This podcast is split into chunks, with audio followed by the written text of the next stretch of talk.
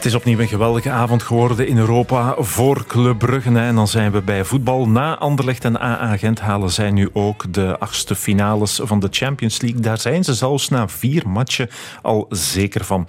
Dit is de manager van Club Brugge, Vincent Mannaert. Hij antwoordt op de vraag of Club nu het Bayern München van België is. Ja, team dat er hier met kop en schouders bovenuit steekt. Nee, daar staan we nog heel ver vanaf trouwens. Het volstaat om te kijken naar het huidige klassement. Uh, om dat te zien. We staan acht punten achter op Antwerpen. Uh, we staan er, uh, als ik het goed voor heb, vijf achter op Genk. We staan ook maar derde, gedeeld derde dan nog met Union. Dus we hebben echt nog een inhaalrace in te zetten. Dus nogmaals, we zijn zeker niet op het punt dat we het niveau van de Belgische competitie ontgroeid zijn. Ja, maar dat Club Brugge in Europa sportieve en financiële su successen boekt, liever daar kunnen we het over eens zijn. En daar kunnen we ook over praten met Peter van den Bemt. Goedemiddag. Goedemiddag. Vincent Manhart verwijst uh, wel naar de stand in de Belgische competitie, om het allemaal wat te kaderen. Heeft hij een punt?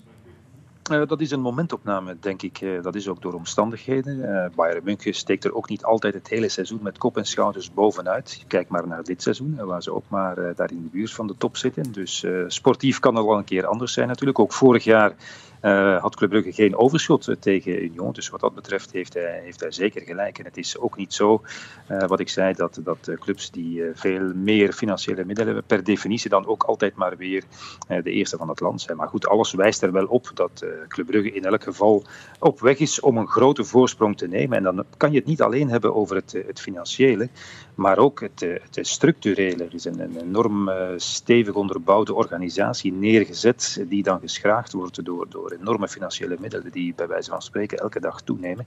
En dat maakt dat de concurrentie toch op zijn hoede moet zijn voor de, de hoge vlucht, de almaar hogere vlucht die Club Brugge nu de voorbije jaren neemt. Ja, en hoe past dit verhaal uh, daar dan concreet in? Wat betekent dit voor het instituut Club Brugge? Want ze jagen hier al een tijdje op. Hebben ze nu een volgende stap gezet?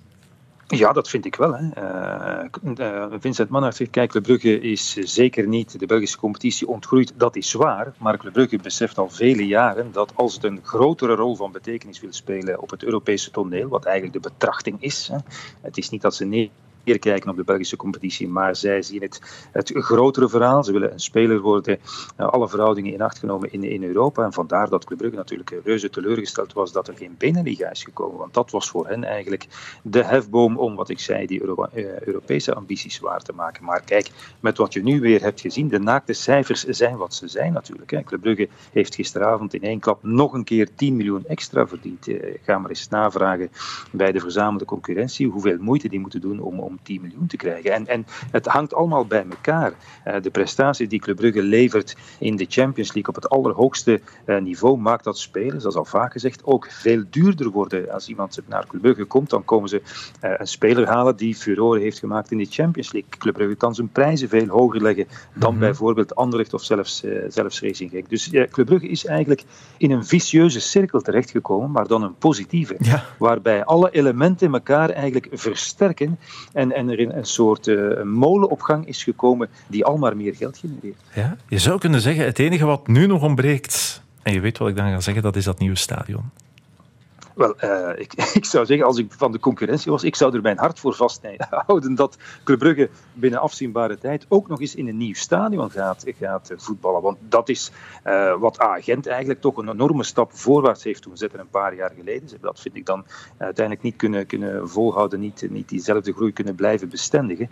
Maar stel je maar eens voor dat Club Brugge met de populariteit die het nu heeft, eh, dan ook nog eens in een gloednieuw stadion kan spelen waar zoveel meer eh, commerciële mogelijkheden zijn, waar meer toeschouwers kunnen, uh, kunnen komen kijken, waar niet 25, maar misschien wel 35 elke week of om de twee weken komen kijken, want dat is al, al, voldoende bewezen. Nieuwe stadions maken dat er meer mensen naar het voetbal komen kijken. Wel, dan kan je je voorstellen dat Club Brugge ook op dat vlak terwijl de concurrentie dan, of toch een groot deel van de concurrentie op, uh, ter plaatse blijft trappelen, ook op dat vlak nog eens een stap, een stap voorwaarts zet. En, en ik uh, had een tijd geleden nog eens een artikel gelezen bij ons op Sporza, waar stond dat, dan ging het over omzet, waar het verschil tussen Club Brugge, in dit geval was het dan Anderlecht, mm. uh, dat dat verschil nog niet zo groot is als bijvoorbeeld in Nederland, hè, waar, waar Ajax een mega groot verschil heeft tegenover zijn achtervolger PSV of, of Duitsland, waar het verschil meer dan 50% betaalt, maar Club Brugge mm. of be, bepaalt.